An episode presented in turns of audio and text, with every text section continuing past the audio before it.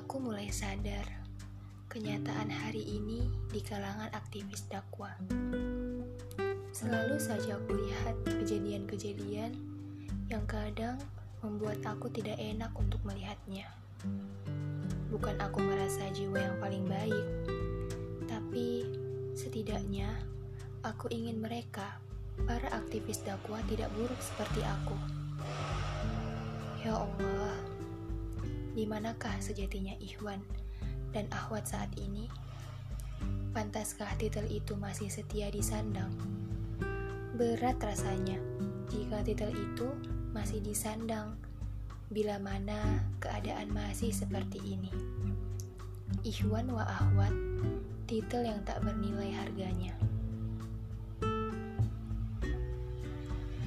Di kalangan aktivis dakwah, ungkapan ikhwan atau ahwat sering kali dinobatkan sebagai panggilan yang pantas buat pria atau wanita yang katanya begitu religius. Tanda kutip ada di dunia dakwah. Yuk sejenak kita berpikir, pantaskah kita dengan sebutan itu? Ikhwan dan ahwat. Sejatinya, kita bersyukur atas apa yang telah Allah berikan. Melihat status diri kita saat ini, masih Allah jaga dengan kemurahan dan kasih sayangnya. Kita masih bisa fastabikul khairat, senantiasa masih bisa mempertampan dan mempercantik diri lewat keadaan ini. Sesuatu hal yang luar biasa saat mana secara fisik insya Allah kita masih bisa terjaga dengan mampu menutup aurat. Ya, sambil berkaca, style celana panjang dan kemeja ala Ikhwan, begitupun baju panjang dan jilbab panjang ala Ahwat, ataupun yang lainnya. Hari ini, kita perlu tersadar, ada kalanya diri kita terlalu bangga pada status kita saat ini. Ketika orang terdekat kita dengan bangga menyebut kita alim, akhirnya yang ada diri kita terlampau terbang dengan sebutan itu. Ya, itulah kita. Kita sering bangga ketika kita dipuji orang dan akhirnya dahulu kian jelas perbedaan seorang ikhwan ataupun ahwat, tapi kini sulit untuk kita bedakan. Ya, mungkin hal yang termudah untuk membedakan lihat saja dari tampilan. Tapi rasanya tidak bisa hanya sebatas itu. Kini terlampau sama status itu semua. Coba kita lihat diri kita saat ini. Apakah kita pantas disebut ikhwan atau ahwat sejati?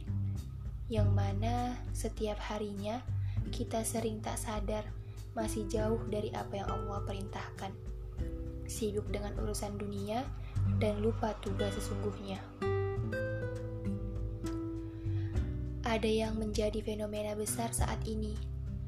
Ketika semua aktivis dakwah, ikhwan ataupun ahwat sibuk dengan urusan dakwahnya, begitu luar biasa menyita waktunya.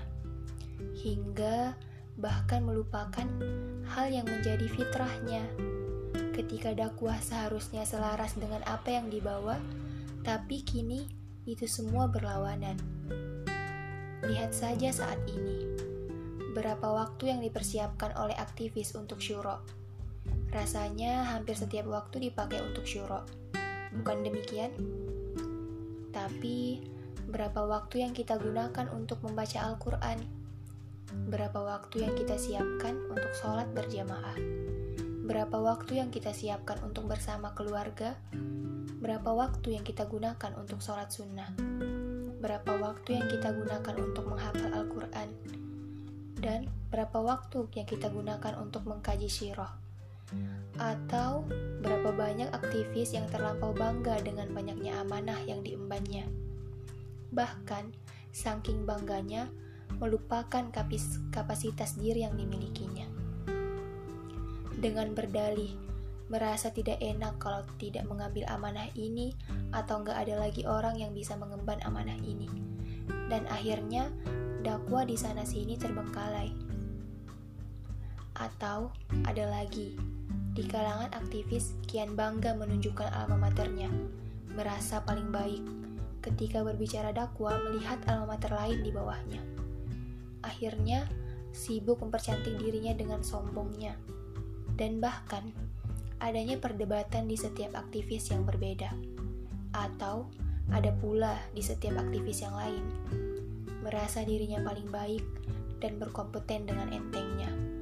Menghujamkan kata-kata pedas, hinaan, ataupun yang lainnya. Akhirnya, apa bukti nyata kita saat ini terhadap dakwah? Adakah hasil nyata yang kita perbuat? Ya, mungkin kita sulit untuk menjawab ini. Coba kita putar sirah perjuangan para sahabat Rasulullah. Pasti kita akan merasa malu apa yang kita lakukan hari ini. Ketika kegigihan para sahabat itu menjadi saksi nyata akan kebangkitan Islam saat itu. Hari ini, kita terlampau disibukkan dengan hal yang tidak perlu Seharusnya kita sadar dengan slogan dakwah ini, perbaiki dirimu dan ajaklah orang lain. Tapi yang terjadi hari ini adalah bertentangan dengan slogan dakwah ini. Belum lagi kita saksikan fenomena aktivis yang pacaran, fenomena aktivis yang sering SMS-an, fenomena aktivis yang sering teleponan, fenomena aktivis yang sering chat lewat media sosial, atau fenomena aktivis lawan jenis yang selalu berdalih dengan watama sobil halu atau sobil sob. Saling memberikan perhatian lebih atau fenomena ikhwan lebih asik ketika berbicara tentang ahwat